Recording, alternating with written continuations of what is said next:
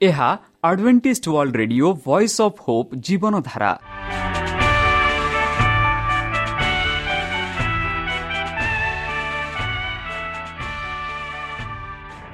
Odia radio କାର୍ଯ୍ୟକ୍ରମ ଯାହା ଆମର ଆନ୍ତର୍ଜାତୀୟ ଆଘାତ କେନ୍ଦ୍ରରୁ ପ୍ରସାରଣ କରାଯାଉଛି ପ୍ରତିଦିନ ରାତି ନଅଟା ତିରିଶ ମିନିଟ୍ରେ।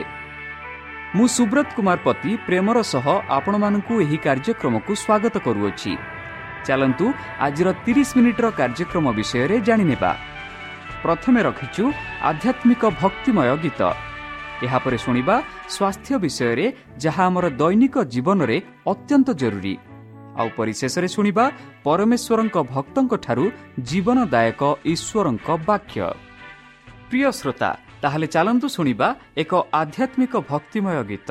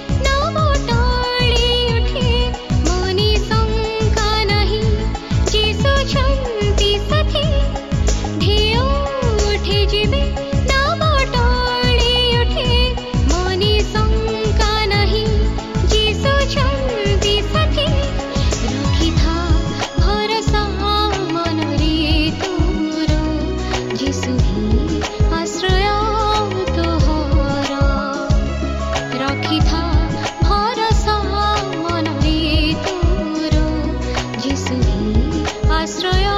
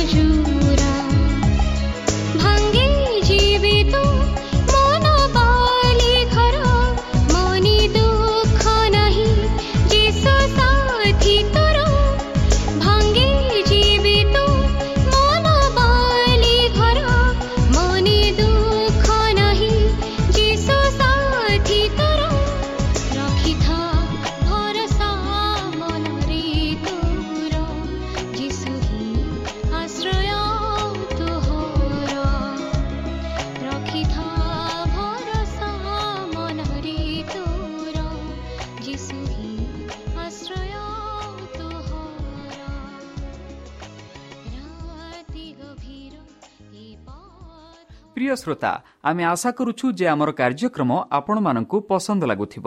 ଆପଣଙ୍କର ମତାମତ ଜଣାଇବା ପାଇଁ ଆମର ଏହି ଠିକଣାରେ ଯୋଗାଯୋଗ କରନ୍ତୁ। ଆମ ଠିକଣା Adventist media centre SDA mission compound Salisbury park Pune ଚାରି ଏକ ଏକ ଶୂନ ତିନି ସାତ ମହାରାଷ୍ଟ୍ର। ବା ଖୋଲନ୍ତୁ ଆମର ୱେବ୍ସାଇଟ୍ ଯେକୌଣସି android phone smartphone desktop laptop କିମ୍ବା ଟ୍ୟାବ୍ଲେଟ୍ ଆମର website W W W dot A W R dot O R G slash O R I ଏବଂ W W W dot Adventist media centre India dot O R G ବର୍ତ୍ତମାନ ଚାଲନ୍ତୁ ଶୁଣିବା ଈଶ୍ୱରଙ୍କ ଭକ୍ତଙ୍କଠାରୁ ଈଶ୍ୱରଙ୍କ ଜୀବନଦାୟକ ବାକ୍ୟ ନମସ୍କାର ପ୍ରିୟ ଶ୍ରୋତା ସେହି ସର୍ବଶକ୍ତି ସର୍ବଜ୍ଞାନୀ ପ୍ରେମର ସାଗର ଦୟାମୟ ଅନ୍ତର୍ଜମୀ ଅନୁଗ୍ରହ ପରମ ପିତାଙ୍କ ମଧୁର ନାମରେ ମୁଁ ପାଷ୍ଟ ପୂର୍ଣ୍ଣ ଚନ୍ଦ୍ର ଆଉ ଥରେ ଆପଣମାନଙ୍କୁ ଏହି କାର୍ଯ୍ୟକ୍ରମରେ ସ୍ୱାଗତ କରୁଅଛି। ସେହି ସର୍ବଶକ୍ତି ପରମେଶ୍ୱର ଆପଣମାନଙ୍କୁ ଆଶୀର୍ବାଦ କରନ୍ତୁ। ଆପଣଙ୍କୁ ସମସ୍ତ ପ୍ରକାର ଦୁଃଖ କଷ୍ଟ ବାଧା କ୍ଲେଶ ଓ ରୋଗରୁ ଦୂରେଇ ରଖନ୍ତୁ। ଶତ୍ରୁ ସୟତାନ ହସ୍ତରୁ ସେ ଆପଣଙ୍କୁ ସୁରକ୍ଷାରେ ରଖନ୍ତୁ। ତାହାଙ୍କ ପ୍ରେମ ତାହାଙ୍କ ସ୍ନେହ ତାହାଙ୍କ କୃପା ତାହାଙ୍କ ଅନୁଗ୍ରହ ସଦାସର୍ବଦା ଆପଣଙ୍କଠାରେ ସହବର୍ତ୍ତୀ ରହୁ। ପ୍ରିୟସତା ଚାଲନ୍ତୁ। ଆଜି ଆମ୍ଭେମାନେ କିଛି ସମୟ ପବିତ୍ର ଶାସ୍ତ୍ର ବାଇବଲଠୁ ତାହାଙ୍କ ଜୀବନଦାୟକ ବାକ୍ୟ ଧ୍ୟାନ କରିବା। ଆଜିର ଆଲୋଚନା ହେଉଛି ଈଶ୍ୱରଙ୍କ ବ୍ୟକ୍ତିତ୍ୱ। ବନ୍ଧୁ ଯେବେ ଆମେ ଏହି ପୃଥିବୀରେ ମନୁଷ୍ୟ ରୂପେ ବାସ କରୁଛୁ ଆମମାନଙ୍କର ଏକ ବ୍ୟକ୍ତିତ୍ୱ ରହିଅଛି। ଆଉ ସେହିପରି ଈଶ୍ୱରଙ୍କ ଏକ ବ୍ୟକ୍ତିତ୍ୱ ବି ଅଛି। ବନ୍ଧୁ ଯେପରି ଆଦି ଏକ ତିନିରେ ଆମେ ଦେଖୁ ଅନନ୍ତର ପରମେଶ୍ୱର କହିଲେ ଦୀପ୍ତି ହେଉ ତହିଁରେ ଦୀପ୍ତି ହେଲା।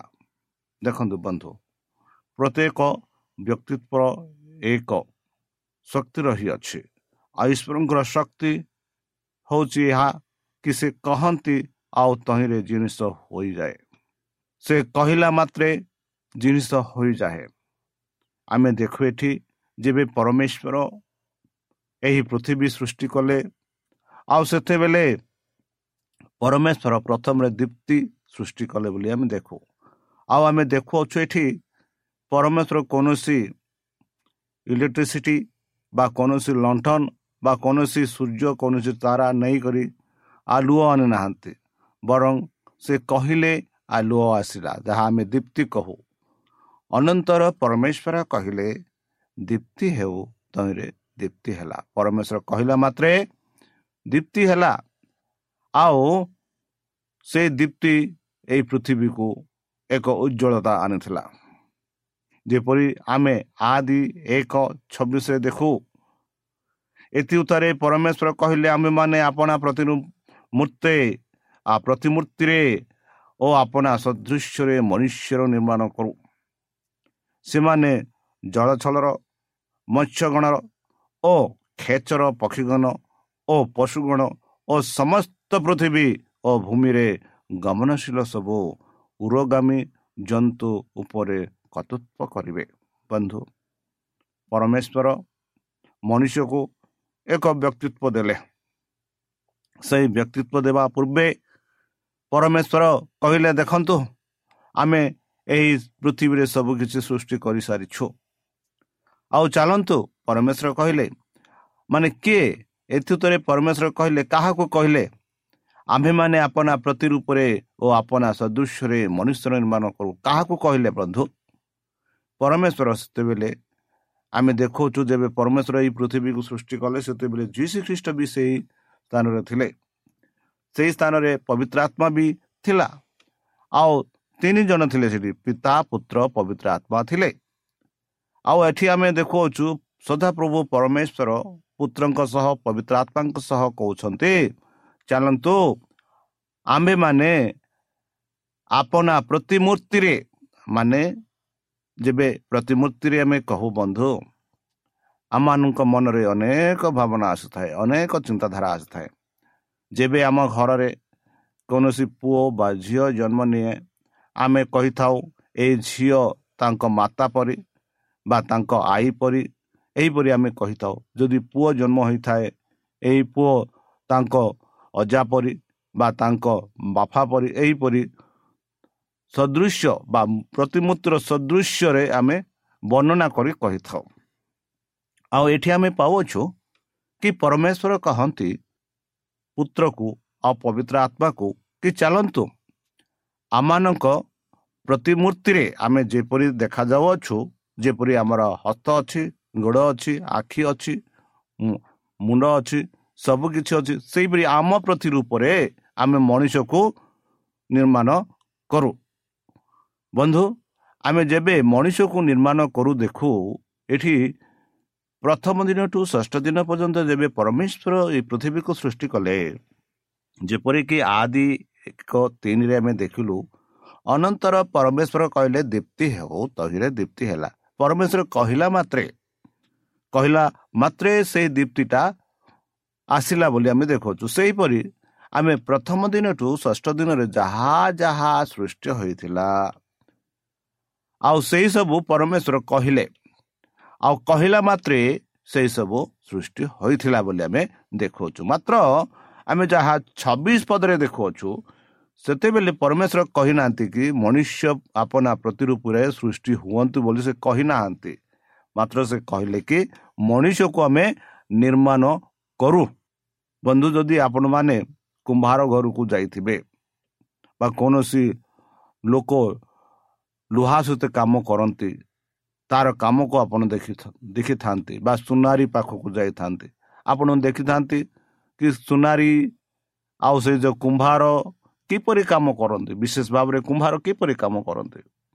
ବନ୍ଧୁ ଯଦି ଆପଣ ମୁଁ ଯେବେ ଛୋଟ ପିଲା ଥିଲି ଆମ ଗାଁରେ ଅନେକ କୁମ୍ଭାର ପବିରା ଥିଲେ। ଆଉ ସେମାନେ ସେ ହାଣ୍ଡି କରିବା ପୂର୍ବେ ସେମାନେ ଯିବେ ମାଠିକୁ ଆଣିବେ ସେ ମାଠି ମାଠିକୁ ଚିକନ ଭାବରେ ତାକୁ ଦୁବେଇ କରି ଚିକନ କରିବେ। ତାପରେ ତାକୁ ଗୋଟିଏ ଚକ ଉପରେ ଥୋଇ ତାକୁ ଭଲ ରୂପ ଗୋଟିଏ ହାଣ୍ଡିଟା ଗଢ଼ିବେ। ଆଉ ସେ ହାଣ୍ଡିକୁ ଗଢ଼ିଲା ପରେ ତାକୁ ଶୁଖେଇ କରି ତାକୁ ପିଟି ପିଟି ପିଟି ଯେଉଁ ଦାଗ ଅଛି ସେ ଦାଗ ସବୁ ମିଶାଇ ପରିଶେଷରେ ସେଇ ଯେଉଁ ହାଣ୍ଡିକୁ ଏକ କୁମ୍ବା ମାନେ ଏକ ଭାଟିରେ ଭରାଇ ଦେବେ। ଆଉ ସେ ଭାଟିକୁ ନିଆଁ ଦେଇ ସେ ହାଣ୍ଡି ସବୁକୁ ଭଲ ଭାବରେ ପୋଡ଼େଇବେ। ଆଉ ଯେ ପୋଡ଼େଇଲା ପରେ ସେ ହାଣ୍ଡିଟା ଯେବେ ମାରିବ ଭଲ ସୁନ୍ଦର ଆବାଜ ଆସିବ। ଏହି ପ୍ରକାର କୁମ୍ଭାର ଆପଣା ମାଠିକୁ ନିର୍ମାଣ କରେ ମାନେ ହାଣ୍ଡିକୁ ନିର୍ମାଣ କରିଥାଉ ସେହିପରି ଆମେ ଦେଖାଉଛୁ ପରମେଶ୍ୱର ଆମମାନଙ୍କୁ ଏଇ ଯେଉଁ ମାଠିର ଶରୀର ଯାହା ଆମ ପାଖରେ ଅଛି ଆଉ ପରମେଶ୍ୱର ଏଇ ମାଠିକୁ ନେଇ ଏଇ ମାଠିକୁ ଏକ ସୁନ୍ଦର ଭାବରେ ଗଢ଼ି ମଣିଷ ରୂପ ଗଢ଼ି ଆଉ ସେଇ ମଣିଷକୁ ଆପଣ ଜୀବନ ଦାୟୀ ଦେଲା ବୋଲି ଆମେ ଦେଖୁଅଛୁ। ବନ୍ଧୁ ସେ କହିଲେ କ'ଣ? କହିଲେ କି ଚାଲନ୍ତୁ ଆମ ପ୍ରତିରୂପରେ ମଣିଷକୁ ସୃଷ୍ଟି କରିବା ନିର୍ମାଣ କରିବା। ଆଉ ଯେପରିକି ଆମେ ସେମାନଙ୍କୁ ନିର୍ମାଣ ନିର୍ମାଣ କରିବା ସେମାନେ ଏହି ପୃଥିବୀରେ ଯାହା ଯାହା ଆମେ ସୃଷ୍ଟି କରିଅଛୁ ସେଇ ସବୁର ଦାୟିତ୍ୱ କର୍ତ୍ତବ୍ୟ ନେବେ ଦାୟିତ୍ୱ ନେବେ ଦେଖଭାଲ କରିବେ ବୋଲି ପରମେଶ୍ୱର ଆପଣା ପୁତ୍ର ଆଉ ପବିତ୍ର ଆତ୍ମା ସହ କଥାବାର୍ତ୍ତା ହୋଇ ଏହା ଆମେ ଦେଖୁଅଛୁ କି ପରମେଶ୍ୱର ମଣିଷକୁ ନିର୍ମାଣ କରିଥିଲେ। ସେମାନେ ଜଳଚଳର ଜଳଚଳ ମାନେ ଯେତେ ମାଛ ଗଣ ଯାହା ଆମେ ଦେଖୁଅଛୁ ଯେତେ ଜଳଛଳରେ ମାଛ ଗଣ ଆମେ ଦେଖୁଅଛୁ ଆଉ କ୍ଷେଚର ପକ୍ଷୀଗଣ ଆଉ ପଶୁଗଣ ଓ ସମସ୍ତ ପୃଥିବୀ ଭୂମିର ଗମନଶୀଳ ସବୁ ଉରଗାମୀ ଜନ୍ତୁ ଉପରେ କର୍ତ୍ତୃତ୍ୱ କରିବେ। ମାନେ ପୃଥିବୀରେ ଯେତେ ଜିନିଷ ପ୍ରଭୁଙ୍କ ଦ୍ୱାରା ସୃଷ୍ଟି କରାଯାଇଅଛି ସେଇମାନଙ୍କୁ ସେହି ଜିନିଷ ମାନଙ୍କ ଉପରେ ଏହି ମନୁଷ୍ୟର କର୍ତ୍ତୃତ୍ୱ କରିବେ ବୋଲି ପରମେଶ୍ୱର ଆପନା ପ୍ରତି ରୂପେ ଆପନା ସଦୃଶ୍ୟରେ ମନୁଷ୍ୟକୁ ନିର୍ମାଣ କରିଥିଲେ। ବନ୍ଧୁ ଯଦି ଆମେ ଆଦି ପୁସ୍ତକ ଏକ ଏକତିରିଶ ପଢିବା ସେଠି ଆମେ ଦେଖାଉଛୁ ପରମେଶ୍ୱର ଆପନା ନିର୍ମିତ ପ୍ରତ୍ୟେକ ବସ୍ତୁ ପ୍ରତି ଦୃଷ୍ଟି କଲେ। ଆଉ ଦେଖ ସମସ୍ତ ଉଚ୍ଚତମ ତୈରେ ସନ୍ଧ୍ୟା ଓ ପ୍ରତ୍ୟେକାଳ ହୋଇ ଷଷ୍ଠ ଦିବସ ହେଲା। ବନ୍ଧୁ ଯାହା ଯାହା ପରମେଶ୍ୱର ସୃଷ୍ଟି କରିଥିଲେ ସବୁ କିଛି ଏକ ସୌନ୍ଦର୍ଯ୍ୟ ଭାବରେ ନିର୍ମାଣ ହୋଇଥିଲା। ଅତି ଉତ୍ତମ ବୋଲି କୁହାଉଛି ଉତ୍ତମ ବୋଲି କୁହାଯାଉଛି। ଆଉ ଯେବେ ସନ୍ଧ୍ୟା ସକାଳ ହେଲା ଆଉ ତାହା ହେଲା ଷଷ୍ଠ ଦିନ ଷଷ୍ଠ ଦିବସ। ଏହିପରି ଆମେ ପ୍ରଥମ ଦିନଠୁ ଷଷ୍ଠ ଦିନ ପର୍ଯ୍ୟନ୍ତ କିପରି ପରମେଶ୍ୱର ମଣିଷକୁ ଆଉ ଅନ୍ୟ ଜିନିଷକୁ ସୃଷ୍ଟି କରିଥିଲେ ତାହା ବିଷୟରେ ଆମେ ଦେଖୁଅଛୁ। ଏହା ହେଉଛି ପରମେଶ୍ୱରଙ୍କର ବ୍ୟକ୍ତିତ୍ୱ। ବନ୍ଧୁ ଆଦି ପୁସ୍ତକ ଦୁଇ ତିନିରେ ଆମେ ଦେଖିବା ସେଠି ଆମେ ଦେଖୁଅଛୁ ପରମେଶ୍ୱର ଏହିସବୁ କାର୍ଯ୍ୟ କଲା ପରେ ଏହିସବୁ ସୃଷ୍ଟି କଲା ପରେ ପରମେଶ୍ୱର ମଣିଷଙ୍କ ପାଇଁ ଏକ ଦିନ ନିରୂପଣ କଲେ। ଆମେ ଯଦି ଦେଖିବା ଆଦି ପୁସ୍ତକ ଦୁଇ ତିନି ପୁଣି ପରମେଶ୍ୱର ସପ୍ତମ ଦିନକୁ ଆଶୀର୍ବାଦ କରି ପବିତ୍ର କଲେ ଯେହେତୁ ସେହି ଦିନରେ ପରମେଶ୍ୱର ସୃଷ୍ଟିକରଣ ରୂପ ଆପଣାର କୃତ ସମସ୍ତ କାର୍ଯ୍ୟରୁ ବିଶ୍ରାମ କଲେ। ବନ୍ଧୁ ଆପଣମାନେ କେବେ ହେଲେ ଭାବିଛନ୍ତି କି ପରମେଶ୍ୱରଙ୍କ ଏକ ବିଶ୍ରାମର ଆବଶ୍ୟକ? ଭାବିଲେ କେବେ ଚିନ୍ତା କରିଛନ୍ତି କି ବନ୍ଧୁ? ଆମେ ହୋଇପାରେ ଆମେ ଅନେକ ଦେବଦେବତାକୁ ପୂଜା କରିଥାଉ। କ'ଣ ଦେବଦେବତା ମାନଙ୍କର କ'ଣ ବିଶ୍ରାମ ଆବଶ୍ୟକ କି? ଆପଣ କେବେ ଭାବିଛନ୍ତି କି ବନ୍ଧୁ? ନାଇଁ ନା? ମାତ୍ର ପବିତ୍ର ଶାସ୍ତ୍ର ବାଇବଲ ଆମମାନଙ୍କୁ ଏକ ଉଦାହରଣ ସ୍ୱରୂପରେ ଦେଇଅଛି କି ପରମେଶ୍ୱର ଆପଣ ପ୍ରତି କାମ ସମସ୍ତ କାମ ପ୍ରଥମ ଦିନରୁ ଷଷ୍ଠ ଦିନ ପର୍ଯ୍ୟନ୍ତ କାମ କଲେ। ଆଉ ସେ କାମ ଶେଷ ହେଲା ପରେ ସପ୍ତମ ଦିନରେ ସେ ବିଶ୍ରାମ ନେଲେ ବୋଲି ଆମେ ଦେଖୁଛୁ। ଆଉ ସେ ଦିନକୁ କ'ଣ କଲେ? ଆଶୀର୍ବାଦ କଲେ। ଏକ ସପ୍ତମ ଦିନକୁ ସେ ଆଶୀର୍ବାଦ କଲେ। ଦୁଇ ସେଇ ଦିନକୁ ପବିତ୍ର କଲେ। କାହିଁକି? ସେହେତୁ ଯେହେତୁ ସେହି ଦିନରେ ପରମେଶ୍ୱର ସୃଷ୍ଟିକୋଣର ରୂପ ଆପଣାର କୃତ ସମସ୍ତ କାର୍ଯ୍ୟର ବିଶ୍ରାମ କଲେ। ଦେଖନ୍ତୁ ବନ୍ଧୁ ଯଦି ଆମେ କିଛି ଜିନିଷପତ୍ର କରିବା ଆପଣ ଆପଣା ଘରରେ ବା କିଛି କରିଥାଉ ତାହାକୁ ମନରେ ରଖିବା ପାଇଁ କିଛି ଜିନିଷ ଆମେ କରିଥାଉ। ଯେପରି ତାକୁ ଦେଖିଲା ପରେ ଆମେ ମନେ କରିପାରେ କି ହଁ ଏହା ସବୁ କଲା ପରେ ଏହା ମୁଁ ରଖିଛି ବୋଲି ଏକ ମନରେ ସ୍ମରଣ କରିଥାଉ।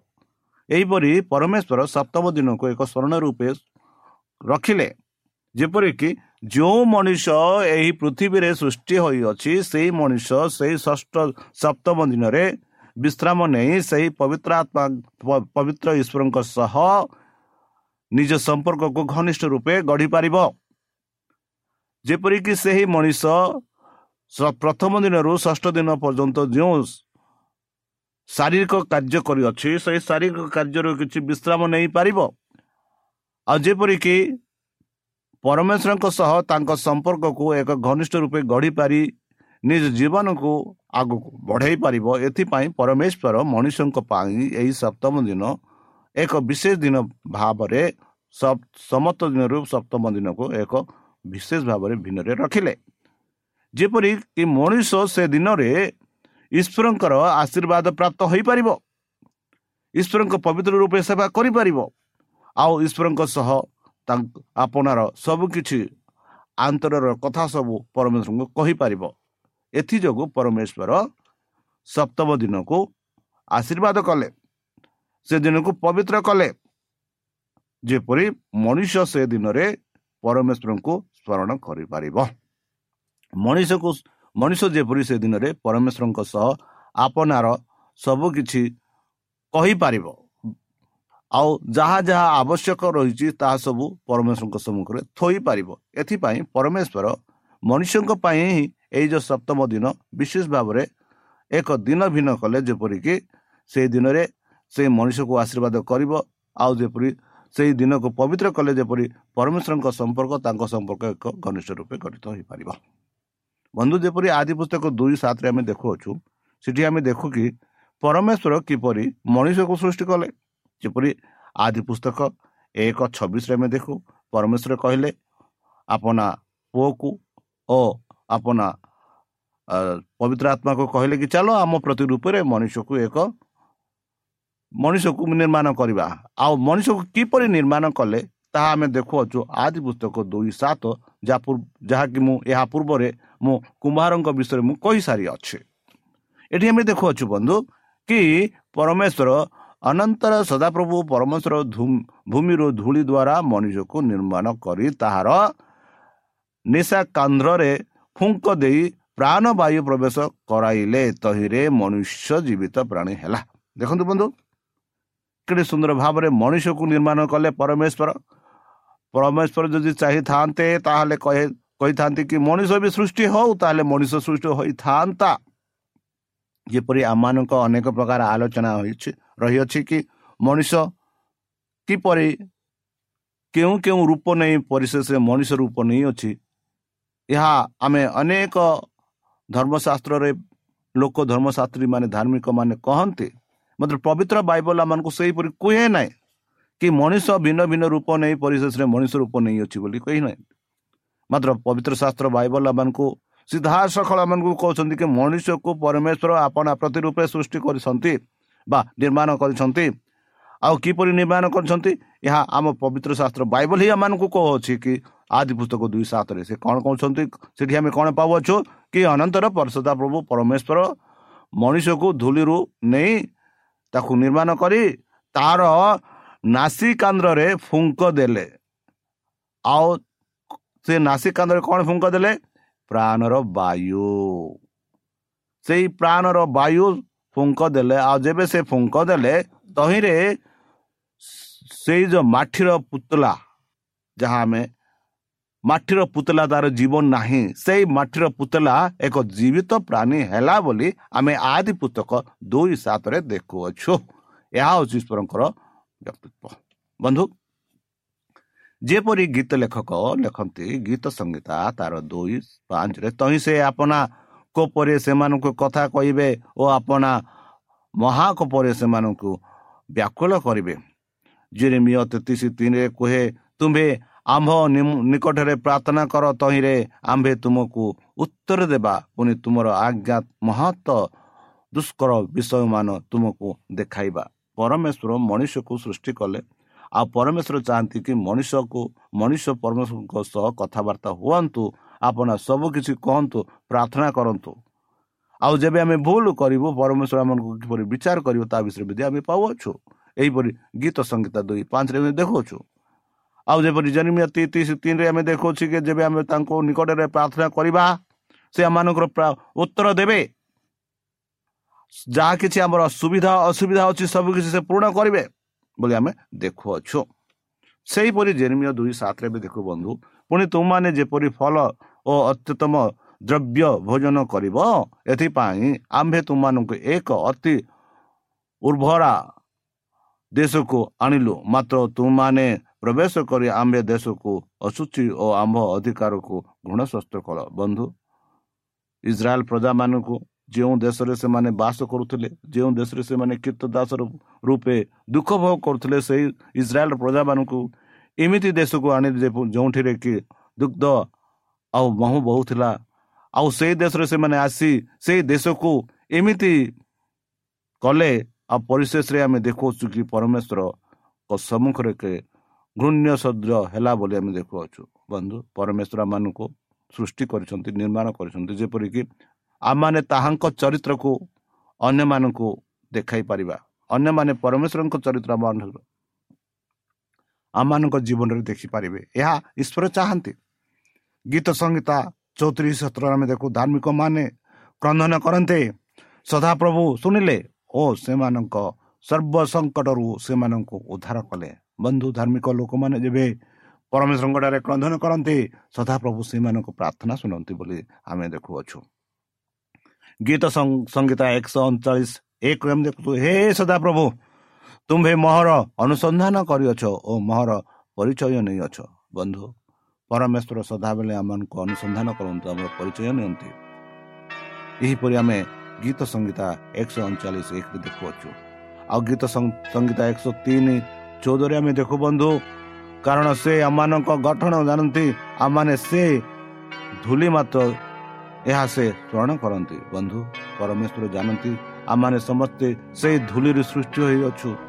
ଆଉ ଏଇ ଧୂଳିକୁ ସାହାଯ୍ୟ ଦରକାର ପରମେଶ୍ୱର ଜାଣନ୍ତି। ଆଉ ସେଇ ପରମେଶ୍ୱର ଆମମାନଙ୍କୁ ସ୍ମରଣ କରନ୍ତି ବୋଲି ଆମେ ଦେଖୁଅଛୁ। ତାହେଲେ ଚାଲନ୍ତୁ ବନ୍ଧୁ ନିଜକୁ ସେହି ପରମେଶ୍ୱରଙ୍କ ହସ୍ତରେ ସମର୍ପଣ କରି ତାଙ୍କ କର୍ତ୍ତୃତ୍ୱକୁ ଗ୍ରହଣ କରି ତାଙ୍କ ବାକ୍ୟ ଅନୁସାରେ ଆମେ ଯିବା ଯେହେତୁ ସେ ଆମମାନଙ୍କୁ ପ୍ରେମ କରନ୍ତି। ସେ ଆମମାନଙ୍କ ସଦାପ୍ରଭୁ ପରମେଶ୍ୱର। ସେ ଆମମାନଙ୍କର ହୃଦୟ ଅନୁସନ୍ଧାନ କରନ୍ତି ଆଉ ସେ ଆମର ପରିଚୟ ନିଅନ୍ତି। ଚାଲନ୍ତୁ ସେହି ସଦାପ୍ରଭୁ ପରମେଶ୍ୱରଙ୍କ ଠାରେ ବିଶ୍ୱାସ ରଖି ତାହାଙ୍କ ମଧୁର ନାମରେ ଆମେ ପ୍ରାର୍ଥନା ଉତ୍ସର୍ଗ କରିବା। ହେ ଆମ୍ଭମାନଙ୍କ ସର୍ବଶକ୍ତି ସର୍ବଜ୍ଞାନୀ ପ୍ରେମର ସାଗର ଦୟାମୟ ଅନ୍ତର୍ଜମୀ ଅନୁଗ୍ରହ ପରମ ପିତା ଧନ୍ୟବାଦ ଅର୍ପଣ କରୁଛୁ ପ୍ରଭୁ ବର୍ତ୍ତମାନ ଯେଉଁ ବାକ୍ୟ ତୁମ ଭକ୍ତମାନଙ୍କୁ ଶୁଣିଲେ ସେହି ବାକ୍ୟ ଅନୁସାରେ ଏମାନଙ୍କୁ ଚାଲିବା ପାଇଁ ବୁଦ୍ଧିରେ ଜ୍ଞାନରେ ଶକ୍ତିରେ ପରିପୂର୍ଣ୍ଣ କର ଆମ ପାପ ସବୁ ତୁମ ସେହି ବହୁମୂଲ୍ୟ ରକ୍ତରେ ପରିଷ୍କାର ରୂପେ ଧୋଇ ଦିଅ ଆଉ ପରିଶେଷ ଯେବେ ତୁମେ ତୁମ ସେହି ସହସ୍ର ଦୂତଙ୍କ ସହ ଆସିବେ ସେତେବେଳେ ଆମମାନଙ୍କୁ ଏକ ବାସସ୍ଥାନ ଦିଅ ବୋଲି ত্ৰাণকৰ্তা প্ৰভু যীশু মধুৰময় নামেৰে এই ছোট বিক্ষোভ শুনি গ্ৰহণ কৰ প্ৰিয় শ্ৰোতা আমি আশা কৰো যে আমাৰ কাৰ্যক্ৰম আপোনাক পচন্দ লাগু আপোনাৰ মতামত জনাইব আমাৰ এই ঠিকনাৰে যোগাযোগ কৰো আম ঠিকনা Adventist media centre S D A mission compound চাি park Pune চাৰি এক এক শূন্য তিনি সাত মহাৰাষ্ট্ৰ বা খোলন্তু আমাৰ ৱেবছাইট ଯେକୌଣସି android phone smartphone desktop laptop କିମ୍ବା ଟ୍ୟାବ୍ଲେଟ୍ ଆମର website W W W dot A W R dot O R G slash O R I ଏବଂ W W W dot Adventist media centre India dot O R G Adventist media centre ଇଣ୍ଡିଆର spelling ହେଉଛି A D V E N T I S T M E D I A C E N T R E I N D I A ଅଥବା download କରନ୍ତୁ ଆମର mobile app ଆପଣଙ୍କର mobile play ଷ୍ଟୋରକୁ ଯାଆନ୍ତୁ ଆଉ type କରନ୍ତୁ the voice of hope ଆଉ download କରନ୍ତୁ। ଈଶ୍ୱର ଆପଣଙ୍କୁ ଆଶୀର୍ବାଦ କରନ୍ତୁ। ଧନ୍ୟବାଦ।